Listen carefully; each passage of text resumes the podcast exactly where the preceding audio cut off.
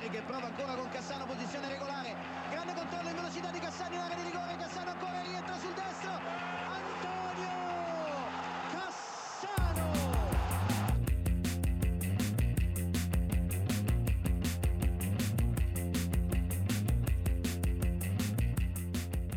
Hlustundu góður, við erum velkomin í þáttinn Puntur og Basta þar sem við förum yfir okkar elsku besta ítalska bolta og allar helstu listi, kunstir, bellibröð og ég veit ekki hvað og hvað það voru aldrei styrþrifin um helgina hjá okkur. Við fengum nokkur stórkosli mörg og það er ekkert að segja annað en að það hefði leist vel úr marka stíplunni uh, eins og áður þá eru þeir hérna hjá mér tveir ítalíusúki menn sem ætla að fara, með, fara með mér yfir þetta allt saman.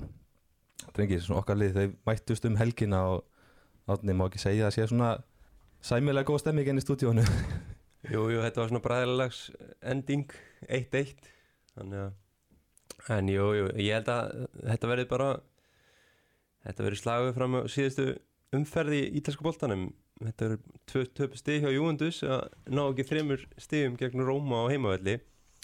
Þannig að Björn, Juventus, það er að vera svolítið svona erfið ljár í þúfi fyrir Gjalo Rossi fyrir okkur Rómamenn, hvað er svona hérna, erst þú sæmilega sáttuð með helgina? Sem Rómastunni Já, ég geti líka sagt annað. Ég, svona, þetta Mourinho hafi verið bara mjög sáttur með eitt stig og hann hafa líka lagt leikin svolítið þannig upp þannig að eins og, eins og við komum betur inn á eftir. Þannig að þetta var, ég, ég setti mig við stíð það heldur betur. Já, eins og þetta ekki hlustandi vita þá erum við Björn Rómamenn og þú átni Juventus maður. En átni því langaði svona eitthvað aðeins að testa svona hérna, hérna vötninu inn á grúpin okkur á Facebook og, og spurja fólk hvað hva liði fólk heldur með það ekki Jú, við ætlum að hendin bara í grúpuna spurningakönnun hvar Íslandingar eru í seríunni með hvaða liðum þeir halda. Þannig að endilega farið inn á grúpuna og, og takið þátt, þetta verður komið inn já þegar þátturinn verður komin út. Já, eftir sem ég best veit, þá er sæmilegt Parma samfélag á Íslandi eða ekki? Jú, ég held að það eru nokkur lið sem eiga svona kannski stærri hópa heldur en önnur. Juventus og AC Milan og, og Parma og Róma er nú ágætlega stóri líka. En ég held að kannski svona nýjasti hópurinn eru Napoli stundismenn, ég held að það eru margir sem hafa byrjað að halda með Napoli síðustu bara 5-10 árin sko. mm -hmm. hitt einn um helgina sem að var bara gerðist Napoli maður fyrir fram mig sko. Nú, býtur við Já, hann sagðist bara ætla að halda með Napoli ég var að spurja hann með hvaða liða hann heldi Hvað út að kvara eða? Nei, hann fór til Napoli bara í sumar og fílaði, fílaði framleiðandan sem að á þetta Já. það var náttúrulega hálf, hálf þjóðin með árið Napoli stundismenn með við, hversu margir hafa farið að einmitt, einmitt spennandi, annars svo, veit ég líka það eru nokkur laumur latsjómenn líka. Þeir, þeir, þeir eru pínu félum, en þeir, þeir eru að núti ég veit að því, þannig að ég, hérna, ég, ég held að við fáum að sjá það í könnunum líka. Nákvæmlega, já svo hérna hóst uh, kvendeldinum helgina ítalska seria kvenna. Þar voru okkar leikmenn aldrei í allinni og við kannski förum aðeins betur yfir það á eftir. En byrjum kannski að fletta bara gegnum bleiku síðunar og Uh, þar er Gazetan byrjuð að kynnta svolítið yfir Simone Inzaghi eftir þetta óvænta 3-1 tap gegn Lazio. Ég held að Gazetan skrifi sko Troppi Kasi eru svolítið í Dalukaku var góð sens að það standi að þetta á hotni fórsíðunar okay. uh, það er svona þetta, er, þetta var þungtök fyrir þá hérna, eindirmenn að tapa þessu leikbjörn Já uh, bara koma óvart einhvern veginn og svona, ekki, svona lítið ótípist inter einhvern veginn að tapa þessu leik og já, bara mikið vonbreiði og, og það hafa alltaf verið miklar efasemtir með hérna, varðandi Inzaghi sem þjálfara, hann alltaf hefur hafði ekki unni titla ára hann kom til, til inter og, og það breytist alltaf ekki á síðast að hann á ennþá eftir að, að sanna sig.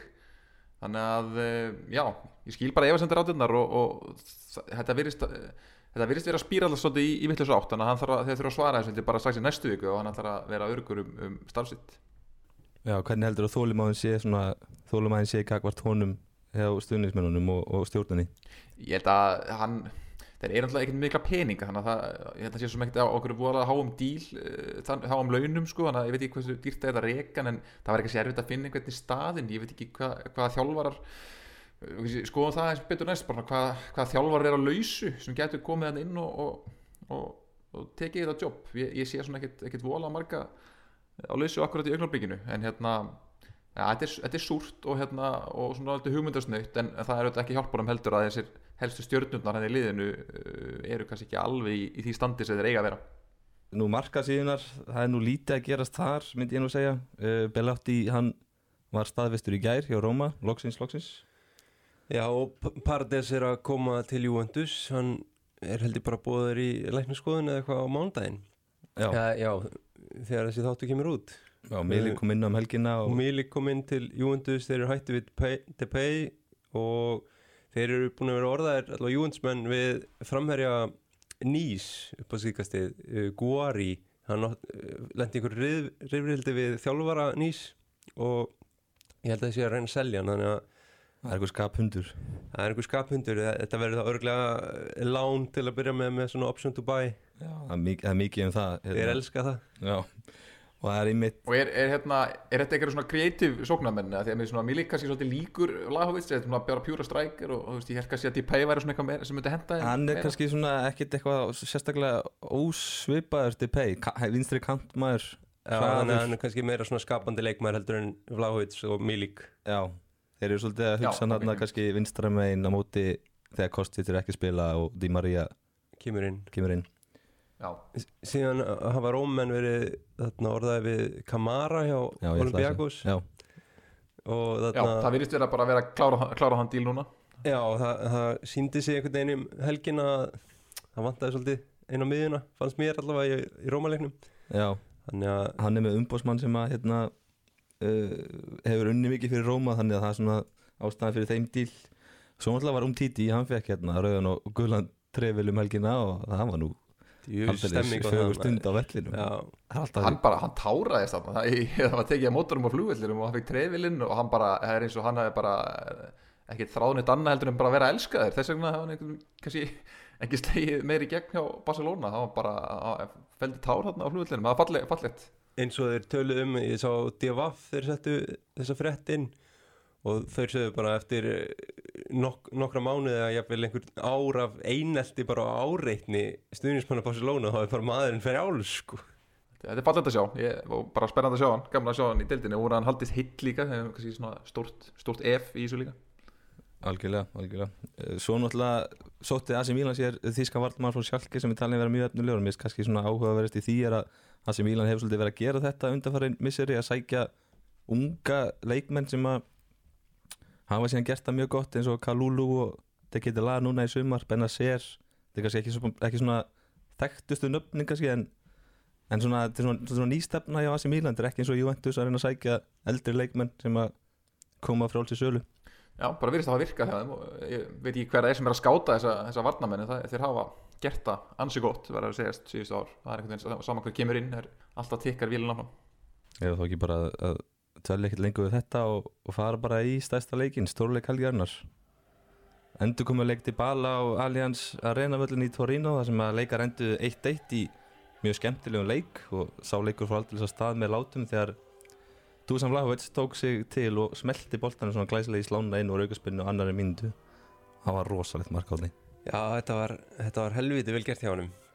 Við erum eiga það að vera svona einhvern veginn stór framherri sem að getur tekið þessar aukaspunnir það er, er heldur gott. Og gerði það í fyrra svolítið bara en já. ég held sama takti bara að svipa á mark sem að skora í fyrra. Já, hann held ég að fengið einmitt í leiknum einhver, einhver tvö eða eitt annað tækifæri til þess að gera þetta og átti alveg ágætist tilurinn fór bara ekki á ramman en síðan var ég man ekki, það var einhver annar gæði sem að tók boltan hann í annar tilurinn sem Já. var bara eitthvað glatað. En jú, þetta, leikurinn byrjaði bara kröftulega hjá Júundi sem mætti bara allt bara allt öðru til leiks heldur en gegn Sampdoria. Það var bara spenna í leiknum, opinleikur, mikið að færum þetta var, það var eiginlega bara fyrir það að Smalling var hann í vörninni á Róma það var ekki komið 2-0 bara eftir já, já bara korter. Já, Róma voru hefnir og náttúrulega þegar byrjunarliði er tilkynnt þá er Vestham að kenni í bestu vunni inn, á miðjunni. En síðan kemur ljósa Fabio Meretti er hérna í byrjunarliðinu. Hann kom náttúrulega sterkur inn á móti Sampdoria og hann átti aldrei leikin honni já, frábæra miðinni þannig að það er gott að geta nota ungan efni við bara eh, strax í byrjun tímbils þannig að hann virðist alveg vera tilbúin í þetta gegn sterku liði Róma. Þannig að ég held að Já, ef að Paredes kemur inn þá er hægt að losa Rabiot af, af miðinu og þá er kannski ágættis málum. Það er mjög ágætt. Ég meina að mér fannst einhvern veginn svona miðjan öll í heilsinni bara liftast upp við hann kraft sem kom fram með rétti og, og ég get svo svarað að Locatelli allavega Björn, hann hljóp meira enn í síðasta leik og, og bara allir miðjum en Juventus voru miklu betri. Já, samanlá og hann eh, bara hrikalega skemmtilegu strákur og hérna hann fekk einmitt bara, held að hann hafi verið með hæstu engun hjá Juventus í, í gazettunni, hann ásamt, ásamt uh, Dusan Vlahovic, þannig að frábært að þið ná að leysa miðjumandamálið með honum og, og, og Paredes. Þetta er svona aðeins ódýræri lausn heldur en að vera að taka inn einhvern, einhvern nýjan leikmann hann er bara mjög skemmtilegu leikmaður og, og hann er, er klálega að spila sig inn í liðið hjá, hjá uh, Juventus og sérstaklega í fyrirháleik þegar Juventus var dómin, þeir dómin eru þarna fyrirháleikin og þetta var Já, uh, vægast sagt ömulegt, ömulegu fyrirháleikur, skammarlegu fyrirháleikur eins og Mourinho sagði sjálfur eftir, hérna, eftir leikin. Já, þeir, Margir svona reynd, reyndi leikmenn hjá Róma sem bara stiga ekki upp. Na, Leonardo Spinazzola var skipt út í háluleik sem byrjaði hérna sem vinstri vangbækur. Hann átti, hann átti ekki góðan dag í vinnunni hérna uh, og gaf auðvitað aukarspytuna í markinu í byrjun og einhvern veginn bara stegi aldrei rétt spór eftir það. Og hérna já, miðjan, þung þessi Brian Cristante og Manja Matic tveir saman eh, djúpir. Þetta eru, þetta eru svolítið svona styrpisalegir gæjar sko að vera með, vera með tvo saman. Þannig að hérna, já, bara leilugur fyrirháleikur. Þetta var líka bara allt annað að sjá þetta geta komið Vlahovic inn í leiki með því að hafa einhverju tengingu af miðjunni að það sé ekki Já, bara algjörlega. þrýr djúpir miðjumenn ánast Já, uh, þannig að um leið og hann mér rétti var að koma Vlahovic í færi og í barning þá bara var þetta allt annað. Og þá opnaðist meira vinstra megin hjá Kostits og reyndar átti hann ekki sinn besta dag. Uh, en en já, ég held að það sé hægt að byggja bara vel ofan á þetta. Vlahovic skora líka nei, Locatelli skorar uh, annað mark á hvað, 2050 mínútu. Já hann í fyrirháleikum sem að Hvað fannst þér um það? það var varaði burti og, og Bara hendi á frábært mark á Vlahovic Locatelli Já, Já. dæmt hendi. Aftar þess að satt svona um miðjan völl í marksins. hafi já, stuðnismenninir og, og bara allir held ég á vellinum átti ekkert vona að þetta væri tekið af sko. Nema kannski Vlahovic af því að hann tóka með hendin hann vissi af þessu. Já, þetta var lúm sko, ég, ég tók ekki eftir þessu fyrst einhvern veginn, ég hef alveg skilið ef þetta hefði fengið að standa svona, en mér veist að einhvern veginn Þú veist, þótt að þetta sé bara bolti í, í hönd. Já, þeir eru bara berjast þarna einhvern veginn návi og boltinn hrekkur upp í Já, höndina mér veist að einhvern veginn ekki geta gert neitt Nei. einhvern veginn. Það var svona En þú veist, fyrst þær eru með þetta bara á teipi og, og farið yfir þetta þá kannski var þetta að benda að hann tók hana með hendinni og það var alltaf mjög sárt fyrir, fyrir Juventusmenn. Og bara svolítið eins og þú segir Björn, þú veist, ég minna þeir áttu eða þið báður, þeir áttu, þeir áttu fyrir áleikin skuldlaust og Róma tók, nei hérna Mourinho tók náttúrulega eitthvað eldraði í hálfleik og setur hérna tvo menn inn á og hérna og meiri segja fram að sko 70. mínútu þá eru Juventus bara með allar tökluhaldir á leiknum og það er ekki fyrir en Dybala kemur með eins og Kjartan allir sagði í lýsingunni loftfimleika og kemur inn í mixerinn og, og hérna Abraham stangar hann inn já, hann hann var alltaf hægt að klúra því færi sko en já, það, þeir sopnuðu aðeins í vörninu þarna ég, hvort að Alexandro eða Danilo Alexandro, sofnað. já. já. Uh, já, já, skítu skeður og allt það sko, en leikurinn hjá Juventus var bara fín og mér fannst einhvern veginn bara Róma aldrei líklega til þess að skora fyrir utan alltaf bara í markinu sko. Þannig að Já, þetta var, e- e- þessi leikur einhvern veginn svona, ég held að e, berið svolítið vottum af, að Mourinho sé svolítið hrættur við þetta Juventuslið. Róma mætt, mættu þetta Juventus svona í fyrra og, og spiluði bara blúsandi sóknabólta og spiluði bara besta leik tímabilsins svona í 70 mínútur, komast í 3-1 og töpuði síðan 4-3 og það er eins og hann hafi bara einhvern veginn þá fattað að, að hann, hann einhvern veginn getur ekkit farið ekkert sóknabólta móti Juventus. Þeir bara er ekki með svona skipulagið í það, get ekki bara, á leikaði bara varnarlega, hann, hann ákvað bara að mæta hann svolítið varnarsinnað og það var kannski svona full varnarsinnað í fyrirháleik en, en hann var alveg greinlega sættur, sáttur með að mæta bara til að ná í stíið og, og ekkit annað. Þannig að hérna, hann leikur bara þess mjög keim og svo auðvitað kemur þetta mark úr fyrstu leikadriði annar, annar leikurinn er rauð þar sem að fast leikadriði skila þeim einhverju og hérna þannig að það, þetta er bara já, mjög klassískur, klassískt Mourinho stig sem hann, ég held að hann sé nokkuð sáttu með. Sérstaklega ef hann nær aft í þrjú stegi í næsta leik, Róma og Monsa núna í, í miðri viku. Og væri þá komin með þrjá sigur og eitt jafntefli eftir fyrstu fjóru leikin, ég held að það sé bara svona það sem hann sé að horfa á. Já, bara frábært varnar upplegg hjá báðum liðum eiginlega í þessum leik. Mér veist, eh, bæði mörkin kom úr föstu leikaldri þannig að Já, Róma búin skora þrjú mörg og tvö fyrsta leikadri Já, nokkulega Það er tímbölu, þessi þreim leikjum. Já, en, en ótrúlegt magna færum hann í fyrstu leikjunum hjá Róma. Já, en, heldur betur. en bara bæði vörnin hjá Juventus og Róma voru bara rock solid sko. Já, og verður að tala eins um Bremer, hann var bara gjörsamlega frábær og síndi aftur okkur svona góður Já, verið bestu mér vartamann finnst bremið frábær mér finnst bara Smalling líka algjörlega frábær sko. þetta var bara glad, eins og hann kallaður gladiatorinn eða eitthvað. Já, Smaldini Smaldini Já Nei, það var líka náttúrulega bara Já, Hvað segir Björn? nei, nei, bara sammála Bremer, bara hann er allt sem að Júventus menn svona þorða að vona að það væri Verðist þeirra Já. Já. og er alveg nógu stór til þess að taka þetta skref einhvern veginn Já. hann Já. hefur ekkert einhvern veginn ekki passað í þessa skó til þess að fylla í Nei, hvað fannst ykkur um heimkomuna hjá Dybala? Eh, bara allt í lægi ég, er svona, ég, bjóst nú við aðeins meira frá honum og, og Pellegrini líka. Um, þú veist, það var ekkert mikið kreativiti hérna í gangi og svona já, ekkert það bjargar hann svolítið þetta assist. Svona fyrir utan það, þá, þá var kannski ekki mikið að frétta. Ég held að nefnit, ég hafði fengið eitthvað sexu í, í engunni gassetunni af tíu og hérna, bara aðalega fyrir þetta assist sem að það sem að er fyrir borgunum fyrir að gera. Já, sammála með, með Pellegrini. Mér varst hann arfa slagur og komið svolítið óvart En átni, þetta svona Þessi heimkoma hans, hann náttúrulega vildi ekkit fara á sínum tíma. Og svona, maður sá að þetta var kannski svona svolítið emotional fyrir hann Og, og hann átti kannski ekkit svona hann, hann var ekkert rosalega góður sko. ég, Nei, ég, ég sé hann allavega oft mun betri. En þetta var bara því þetta var bara lok, eða svona læstu leikur, hann var ekki lokaður. Það var bara varnindan um leiðu þetta komið af vörnin þá einhvern veginn læstist allt. En leikurinn þannig sem var opinn Það var mjög skemmtilegur og náttúrulega Róma, Juventus hefur náttúrulega haft hörkutaka á Róma í síðustu 15 leikjum. Róma hefur bara segjað að hvað þrjá leiki.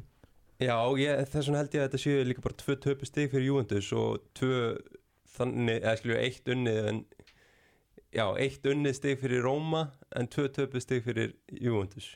Já Já.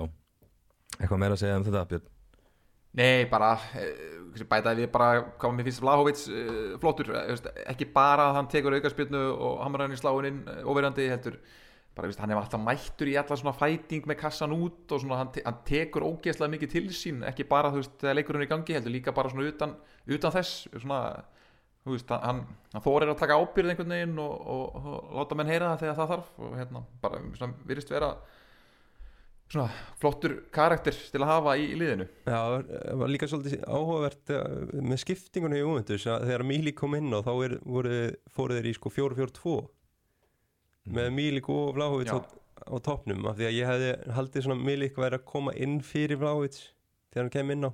Það kom ekki Moise Keane líka og inn á síðan kem Moiskín inn á fyrir Vlahovic en það var bara sérstætt að sjá þetta einhvern veginn tveir svona kraftframherjar Já, saman í 4-4-2 og Já. veistum að kenni á hægri kanti. Já, það var ekki alveg ekki alveg það sem ég vildi sjá svona í, undir lokleiksins Hann fekk mínútur í þessum leik líka greinlega Vestum að Já, já. kenni, hann er alltaf það fær alltaf alltaf sína mínútur. Já svona Juventus menn, svona Juventus vegna vondi að vera mikið það einhæfur að ræða bara miðuna hjá Juventus í allan veitur, Nei, vondi verður nei, það ekki nei. sagan. En hinn megin var náttúrulega Tami Abraham með sitt mark, og þetta sé áttunda marki hans í síðustu sjö leikjum móti topp átta leðunum í dildinni Þannig að svona margir efa hann en hann stendur sig í stórleikunum það er klart mál, ef þú ekki bara fara á leikin sem var og tala um leikin sem var á föstudagskvöldinu þegar sem að bláu liðin mættust Lazio Inter. Sá leikur kannski framan af valdi mér svolítið vonbröðum en og kannski svona ekki jafn skemmtilegur og leikur Róma og Juve. En það var Filipe Andersson sem kom Lazio yfir eftir sendingu frá SMS Milinkovic Savic þar sem að Di Marco svaf á verðinum að eða svo setna, hérna, svo setna jafnaði Lotaro Martínez leikinn og allt opið. Þá setti Sarri inn á Petro og Luis Alberto sem bara breyttu leiknum og skoruðu sitt hvort markið og leikurinn endaði 3-1 fyrir Lazio og alveg bara mjög óvænt úslit og, og sjokkurandi úslit svolítið, úslit sem að kannski bara tala svolítið sínu máli fyrir Inter en það fannst mér þetta bara mjög daburt björn Já, þeir byrjuðu svo sem ágætlega að voru meira með boltan einhvern veginn en, en Lazio menn fengu færin allan fyrirháleikin og, og hefðu getað rauninni verið þrjú, eitt yfir í, bara í hálfleik sko, þannig að bara já, ítla upplæðu leikur hindir, Lukaku fekk mikla gaggrinni mikla, mikla gaggrinni frá pressunni því að hann er einhvern veginn ekki í formi, ekki í standi um, alltaf, hann bara langt frá mönnum alltaf uh, uppspili gekk illa um, já, bara mjög lélegt og, og þeir voru að spila móti þetta Lazio-vörninni sem, sem er með hérna Patrik í, í miðverði sem er náttúrulega eh, ekki sérstaklega góður miðverður og það að ná bara að skora eitt mark hérna uh, í þessum leik er bara mjög dabyrt og, og að fá að sig þessi þrjú. Um að sóknarlínu hérna Lazio er ótrúlega fljót þannig að þeir, þeir refsa hratt og, og hérna bara þessi mörkja Lazio þetta er bara virkilega vel gert. Eh, sendingarnir hjá Linkuði Sæðis með hægri og vinstri og hérna hraðinni Filipe Andersson og, og Manuel Lazzari í hægri bakverðinu með líka alveg sko ævintir alveg fljótur sko. Þetta sé bara fljótusti maðurinn í dildinni þannig að hérna, þeir, já, þeir bara refsuðum Lazio og, og bara það var líka um, svona ef að hérna, stuðnismenn hafa verið svona ósáttir fyrir tímabilið með kannski að það sé ekki verið að eða á eitthvað en, en þeir mættu heldur betur til leiksatna og það var, það var stemning á leiknum hérna, á, á olimpíuleikvagnum virkilega góð stemning hérna, alla leikin Átni, hvað heldur þú að sé kannski vandamáli af Inder í þessum fyrstu þrejum leikjum? Uh, ég myndi bara halda að væri svolítið breyttin hjá þeim. Þetta bara lið þeir þurfa eiginlega að fá okkur fleiri leikmennan inn til þess að einmitt, þegar að Lukaku er, slappur bara heila Brósovits kannski ekki heldur á sínum degi þá vantar einhvern veginn spæsið af bekknum til að já, bara skora fleiri mörg þannig að ég held að það hefur kannski verið svona vandamálið hjá þeim. Síðan held ég bara einmitt, eins og Björn Már var að tala um er einsakinn á góð stjóri ekki, skilur, er þetta ekki bara sigur fyrir Sarri, bara var þetta ekki hann átkótsaða bara einhvern veginn? Ég held það. Já og svo, mér var svolítið vant á svona sjálfströstu í það er kannski aðeins leið á, á, hálfleiki, þú veist, þeir einn alltaf uppspilið sitt og Latsjómenni voru hverjum að loka á það. En það var svo oft sem mér fannst, þú veist þeir, það verið einhver sendingamöguleiki en þeir þorðuð ekki, þá er frekar sko, senduðu bara tilbaka eða reyndu langusendinguna, þeir, þeir þorðuð ekki að reyna að spila sig almennilega út úr pressunni hjá Lazio, það var eitthvað svona ótrúlega hálfhjarta og veist, lið með, veist, inter, með sjálfströstuð í botni og kannski með sína bestu ellu leikminn á vellinum hefði geta, geta gert betur en þetta var, eins og sé eitthvað sjálfströstuð vandamál fannst mér allar svona öftustu línunni. Bara gegn mjög illa fast á, að spila út úr vörninni á, á lungum köflum. Ég held líka bara með sko, tilkomið Mourinho til Róma og einhvern veginn upplýftingu Rómaleysins þá hlýtur Lazio að reyna einmitt að fylgja þeim og halda svolítið stemmingun upp í á þeim og, og þetta bíf á milli Sarri og Mourinho, ég held að þetta bara ít undir velgengni Lazio mögulega. Já, mena, síðast þegar Lazio var meistari þá, þá var Róma meistari árað eftir vegna þess að þeir fóru bara að keiftu það sem var í bóði, Batistúta og svona þannig að hérna, þegar annan liði gerir eitthvað þá svarar hittlið oftast sko. Já, svo var hann einn maður svona, sem er kannski lýsandi dæmi um hversu miklu yfirhund Sarri hafði á Inzaghi í þessum leik fannst mér, það var að hann gerði breytingar þegar þurfti á meðan Inzaghi held honum gæglega dýni hann inn á í 70 mínútur sem var gjörsamlega gagslausbjörn Já, hann, er hríkalega, hann er bara svo flugmóðuskip á miðinni og hann er svo svefasinn og, og bara lengi að snúa sér og veist, hann henda svona eitthvað ákveðna tegunda leikjum sem svona stór og sterkur og fýtt skallamæður en, en hann var hæðilegur þarna í þessu leik og bara, veist, svona bara léleg kaup hjá yndir þessum tíma, hann er keiftur frá Atalanta, hann var það fyrsti leikmaður sem var keiftur frá Atalanta eftir að þeir urðu svo góðir, þannig að þegar Gasperini tók við þeim og þeir fóru á þetta rönn og allir þessi leikmennir var liðið bara keift út um allt. Og hann var svona fyrsti leikmæður sem var seldur einhvern veginn, hann var svona besti leikmæður einhvern veginn sem sló fyrst í gegn fótið lindir en hefur ekkert náð sér á stryk almenlega og, og fyrst bara svolítið, svolítið og og já, svona aðeins farin að breyta, svona breyta því hvernig hann gerir breytingar í leikjum einsaki, hann, hann var alltaf þekktu fyrir það alltaf að gera bara alla skiptingarnar á 60. mínutu eða það var þreföld eða fjórföld skipting á 60. mínutu alltaf alveg saman hvað en svona aðeins kannski farin að breyta því en hérna en, en já, þessar þessa skiptingar hjá Sarri breyttu leiknum og það segir sér þetta sjálf þegar, þegar báði varamenninni skora þessi glæsilegu mörg Já, við mitt, við erum ekkert búin að tala um marki á Luis Alberto það var það var ágætið snutta sko. Já, aldeilis snutta þarna í Í... bara snertir hans að ekki varnamann það er bara einu sem trúða með því þetta marg er að snertir aðeins varnamann en bara hann gæti ekki snutta meira upp í skeitin eða var í marg ásins eða það væri ekki fyrir þessa, litlu snertingu í fyrstu sín eitthvað verðist hann verðist vera eins og hann bara þetta sé skot frá honum sem að endra hann í skeitinu maður eitthvað bara hristir hausin og hugsa hvernig, hvernig gerðist þetta en svo jú hefur þetta viðkomið hann í Barella og hérna og lendir hann svona kentilega að falla í, í skeitunum það var eitt svona kannski í lokinu þennan leik uh, það verist verið að náttúrulega að latsjóstunni þeir bara þeir hérna, geti alls ekki fyrirgefið og, og glemt þessu atviki sem gerist með Diveræ fyrir mörgum árum síðan það sem að hann skoraði sjálfsmark á lokadegi uh, umferðinars þegar hann sem sagt það var ég að hann var að fara til Inter og, og kom sem sagt Inter inn í meistardildina með því marki. Já. þeir náttúrulega bara bauðuð á hann alla leikinn og, og hérna og náttúrulega er ennþá bara ennþá að pyrra sig á þessu mörgum ennþá að sleikja sárin bara. Já, þeir púið á hann alla leikin og það sem þetta líka er í þessu sko að, að þess að ég hafa nú ekki púið á hann í gær hérna, en maðurinn sem skoraði síðan sigumarkið í þeim leik fyrir Inter, hérna, hann skoraði sjálfsmark hérna til Ræ og, og svo skorar Inter sigumark hérna það er sko Mattias Vecino sem er núna komin til Lazio. Hann er einhvern veginn búin að skipta báðið búin að skipta úr lið. Alveg rétt já, já.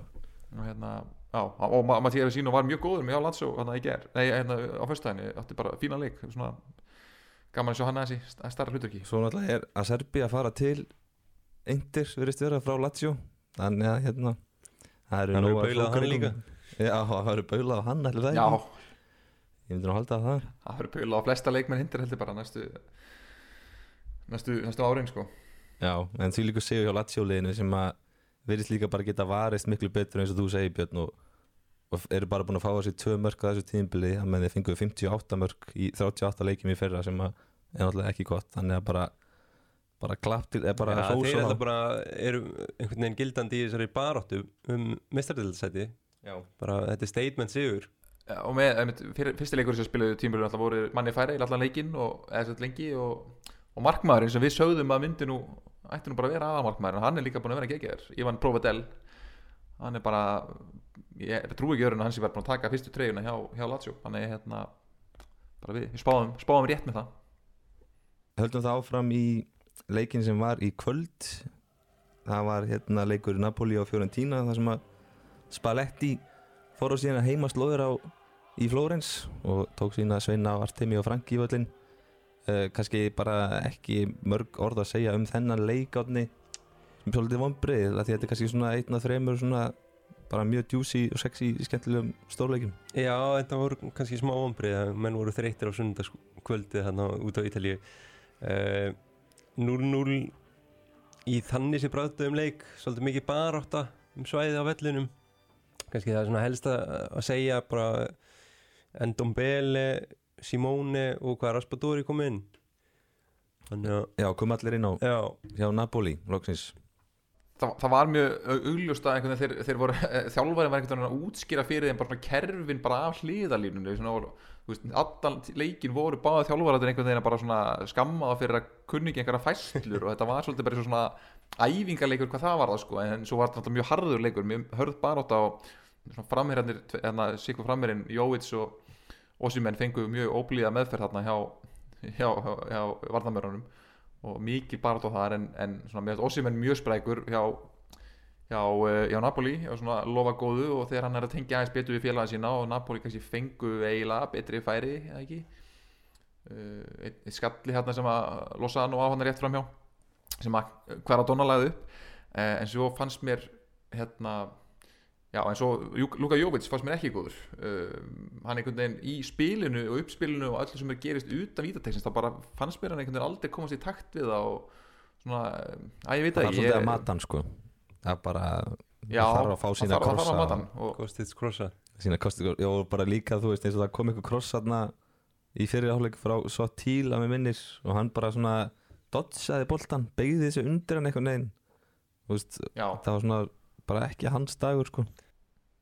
Nei, svo leta hann dómaran heyra það hérna með einhverjum velvöldum orðum og fekk guldspjald og, og segir, framherrin alltaf framherrin hjá Italiano í leikjörunni hjá honum er alltaf veist, oft, oft stórir og sterkir og veist, skora mörg og taka mjög þá, virkan þátt í spilinu. En mér finnst það bara mjög fá, reyna mjög fáa sendingar upp á hann og þegar þeir indu það fannst mér hann alltaf einhvern veginn missa hann eða einhvern veginn aldrei ná að gera rétt sko. En ég svona smá vombriði með, með hann svona allan utan vítateksin sko í spilinu sjálfu en hérna svo er hann alltaf samt búin að skora eitthvað þannig að hérna en fyrir tína menn voru líka pínu þreyttir þegar alltaf voru í er, erfiðu leik til að komast í Evropudildina eða var hvað er sambandsdildin? Sambandsdeildina, já. sem mættu tventir núna í, í vikunni þannig að þeir voru líka koma eftir á úrfekar erfiðu leikjaprógrami þannig að þeir þurftu að rótera líka Já, þetta var bara vel gert hjá þeim að halda jafntöflinu þannig að mótið sterku liði Napoli og bara breytin hjá Napoli einn helviti góð sko að sækja Raspadori og Endon Bele og Simone fyrir lóklukkans og bara virkilega stert Þetta er geggjað sko. Ég sá einmitt mark hjá Endon Bele í fyrsta æfingaleiknum sem var í vikunni. Gegn eitthvað US Dabia það, ég held að Þú netið tekur myndi á föstum rifna. sko. skotum. Shit, sko. ég er djöfulega hrifin sé Já. Ég- Við hendum því í grúppuna. Já, við þurfum að sína sjá það, fólk er þetta ekki búið mark að sjá. Það Frábært, frábært mark. Um, Það var náttúrulega frumsynning líka á leikmanni hjá Fiorentína uh, Hann Antoni Barak sem er svona hávaksinn og þrautseg og leikmaður Björn Ég veit að þú ert sérstaklega hrifun á honum.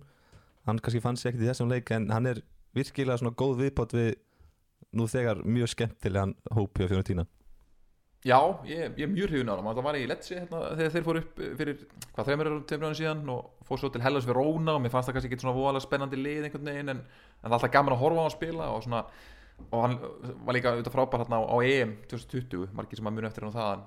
Og bara gaman að hann sé komin í, í topplið, eða lið sem er í Evropu og mjög skemmtilegu leikmaður. Og hann, en, en þetta bar þess mjög keim að hann var, hann var auðvitað keiftu til fyrir tíðin heldur bara fyrir tveimur dögum. Hann er ekki svona vissum hann hafi náð æfingu með þeim og, og fer beint í, í byrjunarliðið og, og spila allan leikin hann að hérna það var, það var mikið verið að kenna honum líka hvað hann átt að gera inn á vellinum hann, þetta, var, þetta var eins og einhver taktísk æfingstundum sko, hérna, Þetta var svona eins og æfingaleikur fylgist með honum. Já, nánast sko. Já, þetta var alveg, þú veist, handabendingarna fram og tilbaka og það var enginn sem einhvern veginn hlaup sem var að koma vitt þessu tímum og vitt þessu staði og, og svona, en hérna. En já, þetta var bara örgulega bæðilið ekkit, ekkit voðalega ósátt heldur en, en fín stemning líka á vellinum, þetta er alltaf gaman að sjá kvöldleiki á Artemi og Franki hérna í, í. Flórens með fésóla hæðina hann bakvið, þetta er, þetta er uh, bara fallegu staður. Já, og eitthvað læti, má læti eftir leik með, já, þessast menn var eitthvað ósáttur með menn í stúkunni. En hérna já, bara ekkit sérstaklega mikið meira að segja um þennan leik.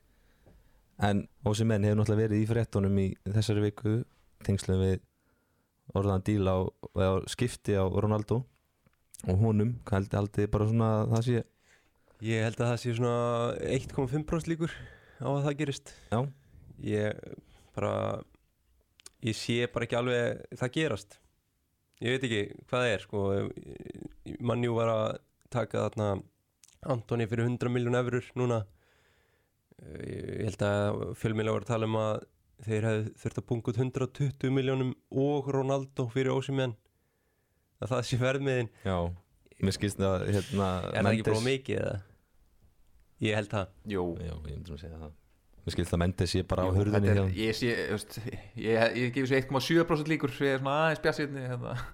Nei, þetta er, en veist það bara ríkalega veist, það er svo margt sem þarf að ganga upp einhvern veginn til að þessi díl fari í gegn veist, eh, það er díl á rendi sem Napoli er ógslag erfiður í samskiptum og hann er með veist, þegar hirt þess að sögur að hérna, hann, ge- hann gerir sérstakar samninga við leikmennu varandi svona ímyndarétt og annað sem að ég held að Ronaldo vilji nú sínum frekar áhuga samur um að, að vera með sjálfur sko og hérna ég bara ég, og, já, og, og þetta er alltaf reikið upp úr rasvasta bó, bókaldinu hjá Díla Rentis klúburinn sko, ég, ég sé ekki alveg að klúburinn sé að fara að taka á sig þetta brand sem Ronaldo er, ég meina þú veist það, er, það starfa, það eru þú veist, eru, fi- fimm starfsmenn í Napoli fútbolklub eða eitthvað og eða þeir bara höndla það einhvern veginn að, bara PR vinnuna sem fer í það að vera með Ronaldo og, og endura sig hans bara einhvern veginn í Napoli. Ég, ég, bara, þetta er, er einhvern veginn of stort púsluspil en, hérna, en það hafa nú uh, það hafa nú drauma ræst þarna í, í Napoli áður og hérna, stóri leikmenn komið sem enginn held að var hægt að, hægt að landa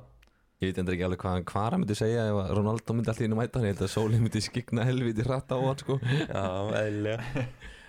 En hérna, já og svo kannski svona í þessari djúpa yfirferð okkar á leikjónum þá kannski endur við hana á AC Milan Bologna sem var á laugardaginn. Þar sem að Bologna menn kláruði fyrsta skipta þessu tímabili í leik með 11 mönnum og náttúrulega maður raut spjaldi í fyrstu tveimur leikjónum og AC Milan vann leikinn 2-0 með mörkum frá Rafael Leao og Oliver Giroud. Hann var nú ansi Oliver Giroud-legt markið sem að hann skoraði tók svona volley vipp, fekk vippu og tók hann á lofti og svona einhvern veginn Já, Held hann í Lea, hornið. Lea bara góður hann með assist og mark. Bara vel kláraði. Það var svolítið skrítið þarna markið hans Lea skoti markmaður Já. hefði kannski mátt aðeins betur þar hann skaut einhvern veginn á nærhóðni frábær markmaður sko, þetta Já. var einhvern veginn svona uh, það var mjög skvítið svona frekar í, á ég veit ekki hvort nærhótti þetta var skaut einhvern veginn með hælnum og einhvern veginn skoppaði einhvern veginn, þetta var mjög undarlega skot sko, en hann virði samt alveg að hafa hitt hann eins og hann, eins og hann ætlaði sér sko, þetta er svona kannski eitthvað ný, ný Þetta er tekník ný tækni. Þetta en, en hann hefur náttúrulega verið orðaði núna við Chelsea svolítið mikið. Ég held, og segist bara alls ekki vilja fara nei, eða ég held að það gerist ekki heldur. Ég held að þetta sé svona tímbila sem hann verður algjörlega í heimsklassa bara eins og við tökum þennan leik sem dæmi þá kannski var hann ekkert eitthvað brjáluslega mikið í boltanum en það sem hann gerði var svo efficient. Þú veist, það var stóðsending og mark og nokkuð skipt það sem bara hann eitthvað neginn upp á sitt einstæmi var næstu búin að skora fleiri mörg þannig að hérna svona, já, með þessu, þetta er kannski tímubili hans og svo veit maður aldrei eftir það. En Björn, hann var ekki eitthvað, hvað fannst þér svona um, um þennan leik? Sko fyrst og fremst ég ætla að horfa á, ég sá ekki leikin sjálf en ég horfði svona á, okkur extended highlights á leiknum og sko í hvert einasta skipti sem að það var hérna klifta á þú veist næsta síkvens þá, þá rugglaði mig alltaf að Asi Milan er að spila hérna heimavelli í grænum búningum og, og hérna með Bologna voru hérna í hvítu búningunum. Og ég bara skil ekki hvers vegna uh, klúpur eins og Asi Milan sé að spila heimaleikinu sína í þessum eh, ekki eins og það flottu fyrst mér grænu búningum Ég átta mikið á þessu, þetta rugglaði mig mjög mikið. Og bara ég vil að þeir hætti þessu bara undir eins Já, og bara, aftur í Það er ástæða fyrir, ástæða fyrir að þarna, ítalska deildin er að reyna að banna þessa grænu búningar Þannig að Já, ég, ég skil ekki, þetta hlýtur að hafa verið bara einhverja tilefni að þau voru að kynna búningin eða eitthvað. Þetta er mjög Þetta skrítið var að mjög Já, þetta er að lonsa því, já. En uh, Deke Catellar var frábær Já, í leik. er, hann var gjörsanlega frábær og þessi gæi er svo reisnalegur á velli og svona tegnalegur og Já, bara- allt sem hann Hann gerir er bara tilbúin í þetta lið bara um leið og hann mætir. Það er alveg ótrúlegt. Sjá þetta. Já, algjörlega, bara smell passar, eh, passar inn í það sko. Og hérna bara fagmannlega framist það þetta var, lentu aldrei í vandræðum einhvern veginn og þú veist, Bologna er alltaf Bologna og voru klaufali, mörkin kom eftir svona klaufali missa boltan klaufalega og bara, já, bara mjög fagmannlega framist það og hérna bara, Asi Milan heldur áfram, vélinn mallar áfram. Já, rútínu sigur á móti þessu Bologna liði. En ef þá ekki kannski bara að heyra það sem gerist í öðrum leikjum helgarinnar undir ljúum tónum? Good evening, ladies and gentlemen, and a very warm welcome for match day three of this new Serie A season. Oh, that's careless. Pinamonti is in. What an easy way to get his first goal for Sassuolo. Poor from Dronkowski. Confusion reigned in the Spezia backline. Against two players, still going. Inventive here, Radonjic, Vojvoda. Can he pick a man? And he can! Radonjic has his first Serie A goal. Torino remain unbeaten. Here is Bonazzoli! Lovely ball for Boateng. Boateng in off the post! It's 4-0 Salernitana. The Seahorses are rampant this evening. Já, mis fjöru leikir þessa umferðina en eins og áður sagði þá svona losnaði markastýplan á, á mörgum stöðum uh, byrjum kannski að fara yfir bara Verona Atalanta þar sem Atalanta vann 1-0 sigur á Benti Góti vellinum uh, slæmbyrjun hjá Verona heldur áfram og, og Kópmennes með sigur markiðarni í setni hóllik Var ekki bara gullfallett sigumark, var það ekki það sem við tökum út úr þessu?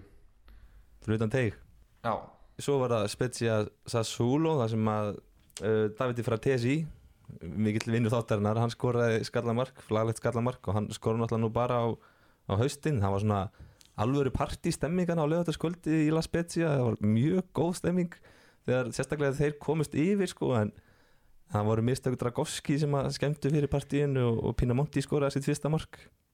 Já, þetta var Þetta voru eiginlega bara Svolítið skrítið fannst mér öll.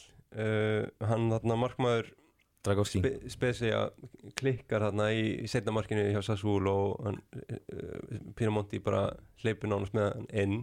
En það er bara stuttu setna í leiknum þá ánlega bara heimsklassa vörslu á móti þarna Defrael þarna vonlösa framherja Sasúló uh, Mikael Egil kom ekkert þessu í leiknum því miður, það er gaman að sjá hann taka þarna eitthvað nokkra mínútur á heimavelli og reyna að fá einn sigumarkið kannski bara fymta, veist að magna magna starrend að þetta er fymta liði sem að Pinamonti skora fyrir hérna liði í Serie A. Og hann er hvað fættur 98 eða 99, það er bara alveg magna, en líka bara var þetta eina markmann svo lýsandi að hann takið eina góða vörslu og, og klúður síðan ég, ég einhvern veginn er með svona guilty pleasure fyrir þessu markmanni Dragowski, hann lítill pólveri einhvern veginn, mikill stemmingsmarkmaður og, og svona einhvern veginn þetta var bara, já, einhvern veginn eftir eftir svona hans, það sem maður sá frá honum í fyrra svolítið sko, bara, hann er heit, svolítið heitt og kallt já, þetta er mjög Dragowski-legt og er þetta ekki, ekki markmaður einhver spilar í treyjunum úr 69? Jú, Já, það, það segir líka það segir líka ívislegt líka Real horni þannig í markinu. Og hann alltaf er að leysa okkar mann eh, Ívan Provedela sem fór til Lazio og hérna, og það, já, gekk, gekk nú ekki betur en þetta en hérna, hann, hann er skemmtilegur. Já, var partur af einhverjum kapal hann, einhverjum markmanna kapal í deildinni. En svo var það hérna í, í kvöldeitinni Letsi Empoli, þar kom Þórir ekkert við sögu átni Nei, leðilegt, maður hefði kannski vonast eftir starti þarna heimaöldi gegn Empoli.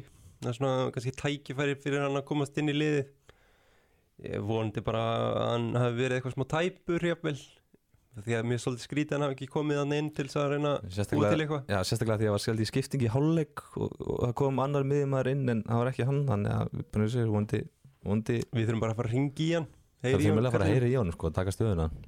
Já, þeir eiga, þeir eiga alltaf leik við já, þeir eiga leik núna í miðri viku síðan við Napoli. Það getur alltaf verið líka að hann sé, hann sé verið að kvíla hann eitthvað fyrir það eða svo rótera einhvern veginn þannig en hérna, það kemur bara ljós Já, mikið leiki ála næstu vikum í deildinni náttúrulega og, leikir í miðri viku.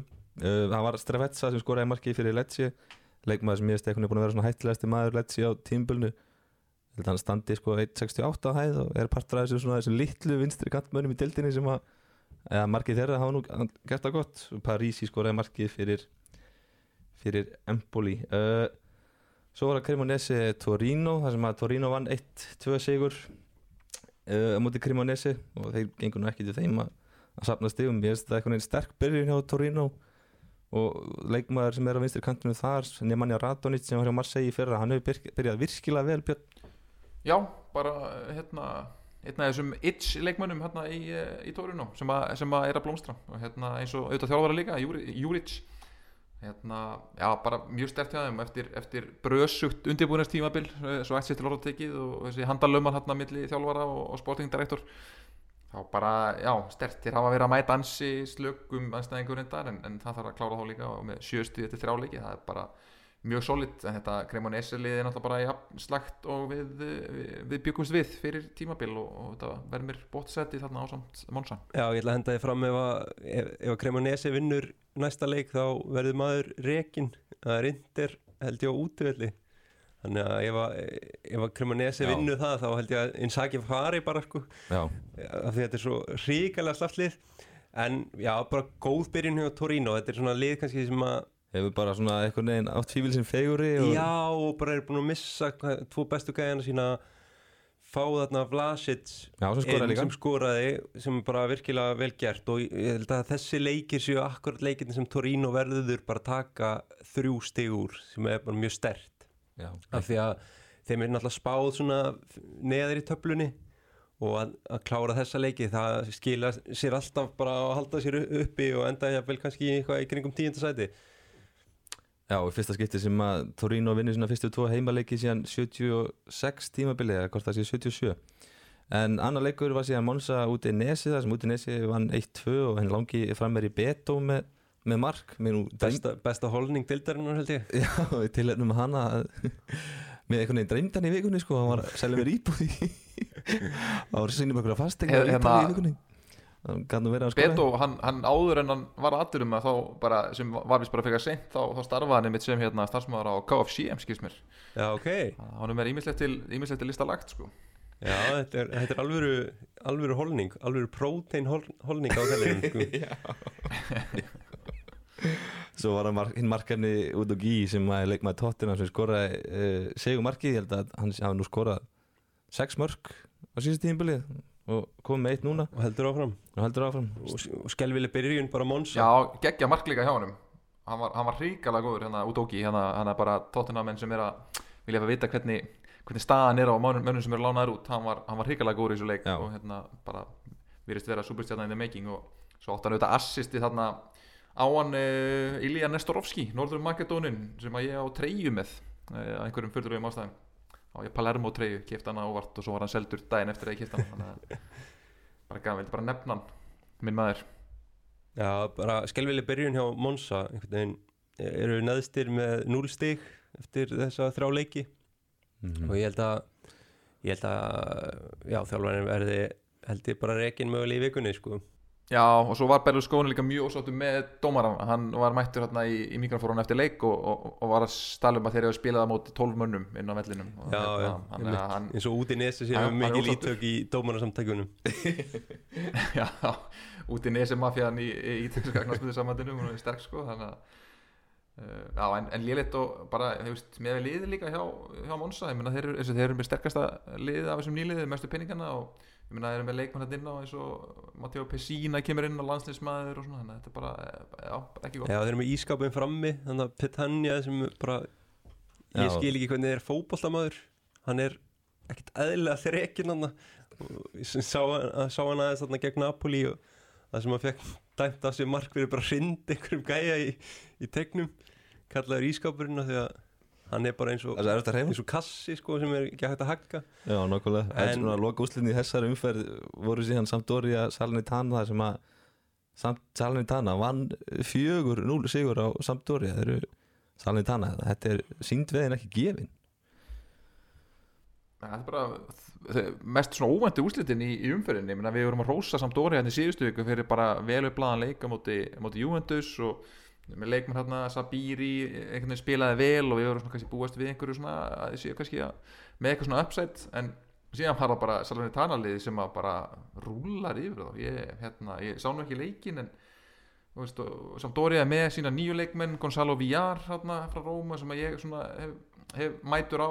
Eins og hann var nú tekin út af síðan hann bara hefur nú greinilega ekki, ekki verið að standa sig vel hann já, ég veit ekki hvað kom fyrir hérna þeir, þeir eru náttúrulega með sprækt sóknarlið Salernitana og hérna Bonazzoli er, er sprækur upp á topp og svona meir hraða fram á við þannig að hérna, það er kannski bara þeir hafa hlaupið yfir uh, aldrað Sampdoria lið yfir Já. Ferrari hann Já, nokkulega fyrir Ari gæt nú ekki átt svona góða, tvo góða leiki röð sko, eftir svona frábæra hamistu þannig gegn Juventus þá var ekki komið tíma á þetta. En ég held að sé bara smá falldraugur yfir, yfir Sampdoria að þeir einhvern veginn geta alveg já, jafnvel fallið á með hvernig þeir byrja þetta tímbil Já, bara eins og með Salernitana og ég veit ekki hvað sem mikið hlustendur vilja heyra um þá sko, en ég meina þeir eru bara með betra liðin í fyrra og eru komið með leikmað frá Spezia og Bonazzoli sem segir bara trullu kröftugur og, og er ekki bótt tæm sem skora þarna og svo er nýmaðurinn sem kom frá Villarreal hann var með eitt mark og tvæst óstinningar og þeir eru með minn mann hérna Masokki í vinstri pakkur sem að spilaði fyrir Venezia og kom þeim upp á sínum tíma þetta er bara, þetta er allavega svona myndi ég segja, ekkit, ekkit mikið, sko, þeir ætla að vinna á 4-0 en, en þeir eru bara nánast í dag með betra lið heldur en Sampdoria sko. Já, ég held að því miður sko. gerðu mjög vel á markanum og svona eittu meiri peningum líka heldur en, heldur en uh, maður bjóst við ég bjóst kannski við að þið myndu pa pakka svolítið saman og séu kannski ekkert að treysta á það að, að eða og miklu ef þið skildur falla aftur en þeir eru bara, þeir eru ekkert að sjálf að dreita nætur þeir eru bara að ætla, að halda sér aftur uppi. Hvað, svona, hvað lið haldið að endi hann fyrir ofan liðin í 8. sæti? Topp 8 og því að finnst þetta eitthvað svona svo mikið í loftunum með þessi lið fyrir neðan topp 8 og svo erum við með þarna einhver fimm lið neðalega, hvað, Björn, hvað sér þú koma svona þarna í innan tíundu sætins sko það, það er ekki hægt að, hægt að nefna ekki Tórino með hvernig þeir hafa byrjað og, og mér finnst líka önnu lið sem að hafa verið þarna vera bara ekki að sína mér neitt eins og Bologna, Verona er ekki verið náttúrulega góður Sassuolo á móti Spezia er ekki, það er ekki gott um, þannig að ég er svona já, Tórino sé ekki svona besta bettið akkurat núna, þú veist en bara út, af, út frá framvistöðunum í fyrstu þreymur leikjurum, einhver öðru ég, eins og þeir hafa ekkert þeir ekkert að eða miklum peningum eða þannig en, hérna, en bara pjúra framvista og hérna, þá ætlum ég að segja að Tórin verið liðið hérna í fyrir neðan sísturnar 7 eða 8 eða hvað það eru þannig það eru, eru orðnar helviti margar.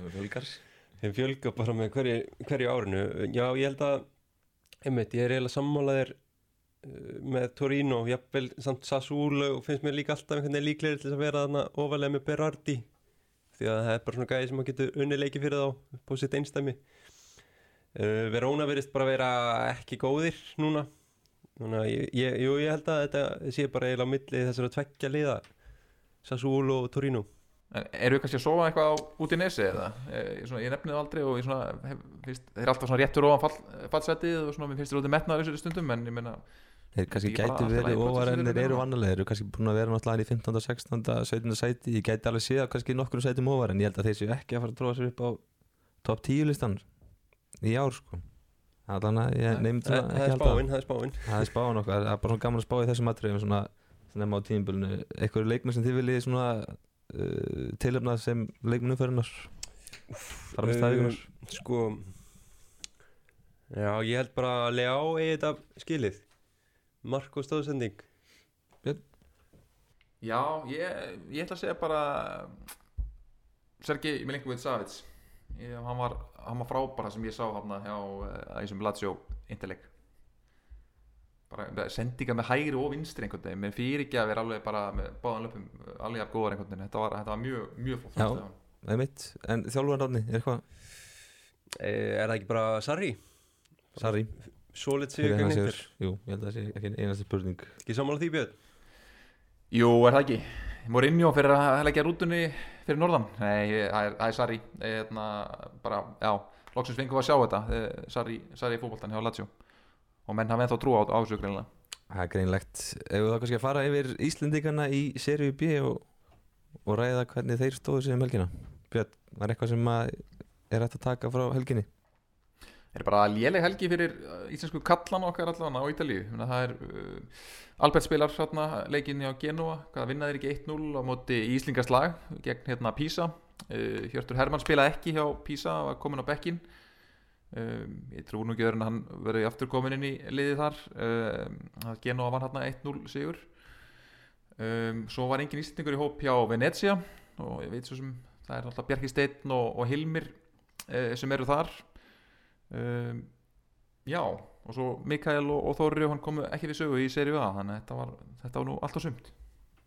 Já, notni, íslensku stelpunar þær voru náttúrulega að byrja sína leiktíði núna um þessa helgi þær gerðu nú, nú þó nokkuð að frétta þar. Já, það, það var bara hellinga fyrir þetta þar. Um, Alltaf Sara spilar í 600 sigri Juventus og Como. Skildu sigur fyrir Juventus leiði í fyrstu umferð og ég held að ég held að uh, það sé eiginlega bara klárt að þeir að Juventus muni vinna deildina mm, á miður gæði leikmannhópsins en það var Íslandingar slagur það var AC Milan gegn Fiorentina þar sem að Fiorentina vann 3-1 sigur. Og það voru Guðni Átnandóttir og hún Alessandra nýji leikmaður Fiorentina sp- komu báðar inn á. Um, Fiorentina skorar eða, já, Alessandra leggur upp mark sem að Fiorentina skorar sem er reynda dæmt af ránstöðu en bara gott að stimpla sig inn færa þannig nokkra mínútur í lokleiks já, óvænt úrslit líka. Fiorentina var í fallbarátu í fyrra og er búin að hrúin leikmönnum og komin að 3-0 hérna í fyrraháleik og, og, AC Milan gerir hérna gerir varnarskiptingu eða að setur Guðni inn á hana, og það er aldrei hreinu hann í setniháleik þannig að kannski bara hún sé, að koma inn í liði þar. En, en léleg byrjun hjá AC Milan sem er auðvitað búið að kaupa Kosovari Aslani hún spilaði og skoraði e- eina markbísins hérna í þessum leik þannig að þeir ætla sér stærri hluti en þetta Já, og síðan kom hún Anna Björk inn á í þarna fjögur eitt sigri Inter á Parma sem var lokaleikur umferðarnar í, á Ítalíu. Þannig að það, hún kom inn á ég á eitthvað í kringum 60 mínútu sem er bara fínt að fá fá einhverja mínútur undir, undir beltið. Já, og við ætlum að reyna að fylgja stelpunum svolítið í vetur. Uh, mér skilst að þeir sé verið að sína bara marga leiki á Viaplay Já, ég held að sé bara flestir leikinnir síndur á Viaplay þannig að ég hvet fólk bara til að stilla inn á þessa emitt leiki þar sem að íslensku stelpunar eru að spila Já Þessi, já, svona þessar yfirferð er þá kannski lokið hjá okkur uh, Það eru leikir í miðri viku eins og áður sagði en við reynum bara örsnögt yfir það þá er það Sassuolo AC Milan á uh, 30. ágúst Inter Cremonese það Roma Monza og svo 31. ágúst Empoli Verona Sampdoria Lazio Udinese Fiorentina Juventus Spezia Napoli Lecce og svo á eða fyrsta september er það Atalanta, Torino og Bologna Salnitana hvað finnst ykkur spennandi þarna, strákar? Ég er svo suðrætt, ég horfi strax á Napoli eh, Lecce þarna. Og svo var Atalanta leikurinn, hvað sagði, var Atalanta Torino? Já. Atalanta Torino. Það hljópar eins og hansi spennandi leikur líka Jú, ég minna alltaf að horfa á mína menn í, í Juventus gegn svona þannig sé nágrunum sínum í Spezia. Um, en einmitt, ég held að Atalanta Torino sé svona kannski leikurinn til að horfa á. Þar er auðvitað Jú- Jú- Júrits að mæta sínum fyrri læri föður. Júrits var auðvitað leikmaður og síðan aðstofa þjálfari undir Gasperini og hefur svona lært allt af honum þannig að það mætir, mætast þér. Það verður áhugavert að þessu auglína Þetta eru svolítið jafnir eða svona fyrir utan kannski þessi stóru stóru lið þá er þetta svona freka jafnir leikir eins og Bologna, Salernitana. Það getur bara verið hörku leikur sko. Já.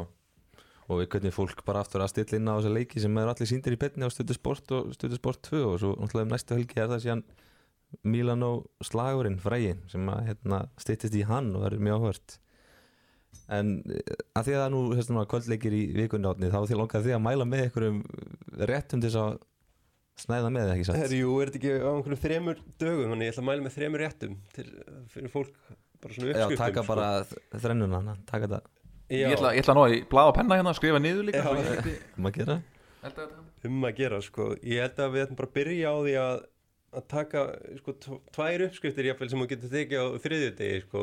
Það er náttúrulega það er eh, kálfasteikin frá Milano sko. Milanese bara það er bara klettasalat, sítróna bröðraspur og, og kálfasnitsel sem fæst mér að í mélabúðinni. Bara niður sneitt, bara berja þetta aðeins og síðan beita pönnu. Uh, þið getur byrja á því að borða það yfir Inter Inter Cremonese og Sassuolo Milan. Um, síðan held ég að við ættum bara að mæla með hinnum klassíska rétti Spaghetti Carbonara sem kemur frá náttúrulega bara höfustad alheimsins, Róm þeir eiga að monsa þarna á þriðudeginu líka og mæli með að fólk gerir þetta því authentic way, ekkert eitthvað rjómasull sko. Erum við að tala um að borða á afgangana kannski daginn eftir hann á miðgudaginu Já, það, það getur verið, það Já. getur verið. Já. í, í, í latsjuleiknum, yfir latsjuleiknum Já, uh, en uh, það fæst einmitt í melabúðinni, eh, þetta er ekki spóns sko, en það fæst þarna guanciale sem er svona original kjötið í carbonara svona bacon eh, legt uh, já, þetta er bara góðum kælið þarna í melabúðinni mæl með að, fólk fari bara í í einmitt upprunalegu uppskriftina. Kannski Googla allar það. að þú verði stattur það líka bara með meðmæli að fólk er eitthvað að týnast í Já, búinu ég geti kannski verið þarna við básin og, leiðbeint fólki. Já, og svo hvað er, hvað er síðan undir Heyrðu, lokin? og síðan fyrst að við erum að fara þarna söður, Napoli Lecce þá ætla ég að mæla með bara parmigianum eh, þarna alla menna sani sem að er eggaldin eiginlega bara svona lasagna notaði eggaldin í staðin fyrir lasagna plötur og einhver rauð sósa og helviti gott sko. Ella kærasta mín er sérfræðingur í þessu þannig að þetta Já, ekki frá söður Ítalíu Já, Björn, hvað líst þér á það? Geggjað Já, ég er bara geggjað, ég er bara þarf að riðja dagatali hérna hjá mér sko. þetta, þetta tekur smá tíma að elda þetta allt en hérna Vantilega kemst í þetta þóttu sérst ekki með meðlabúðina? Já, ég læt bara send, senda þér ekki hinga út eða? Ekki þannig að Já, það, hlýtur að vera sko. Ég mæli líka bara með parmigiana melanzani fyrir fólk sem er að reyna að kötta eins kolvetnin og vilja ekki nota pastaplötunar þá er bara fínt að hendi ekkaldin lasagna típu sko. Og líka bara krúsið að hafa ítalska matagerð með boltanum. Má ekki segja það? Jó, algjörlega sko. Já, það er klart Jafnvel, þú veist, það er, margir hugsa það er, þetta er alltaf miðvíku umferð en hérna, það er allir lægi að opna sér inn á rauðvin sko, þú getur það bara geimt hana. Já, ertu með einhverja góða sem að mæli með það? Hvað, hvað Ég var ekki búin að undirbúa það. Ef ekki segja bara, eh, en þú getur tórin á maður ekki bara byrja á Barolo, opna inn á Barolo taka eitt glas og, Já, einu bara rándýra maður. Já, já, Það er ekkert verið að býða eftir stóruleikin fyrir það sko. Nei, nei, nei, nei. það er það er að taka það líka bara svona miðri viku. Það er, það er alltaf þetta að mæla með því. Það er allir bakkin hérna, fólk fær matatips og, og umræður um, um ítalska boltan Það er bara, þetta er allir bakkin En þá kannski sláum við bara botnin í þetta hjá okkur þessa vikuna Eða bara í daga því að það er svona fleiri leikir síðan í vikunni. Já, Og- ekki að reyna að vera komin á förstu daginn inn eða? Jú, við erum komin inn á föstudaginn og, og, og hérna Við minnum bara á á skrifin þín Björn. Verður grein í vikunni fyrir næsta leik? Já, heldur betur, bara á vísi.is kemur alltaf grein upp hérna, uppgjörsgrein líka þannig að ég mælum með að fólk kíkja á það og inn á Facebook-grúpun okkar. Heldur betur. Og svo ætla ég að reyna að koma með eitt í viðbót svona að fylgist með fyrir næstu umferð. Það verður kannski smá ítalstema í því en við bara þökkum fyrir í dag og, og segjum tjá, takk strókar bye bye Bæ, sjáumst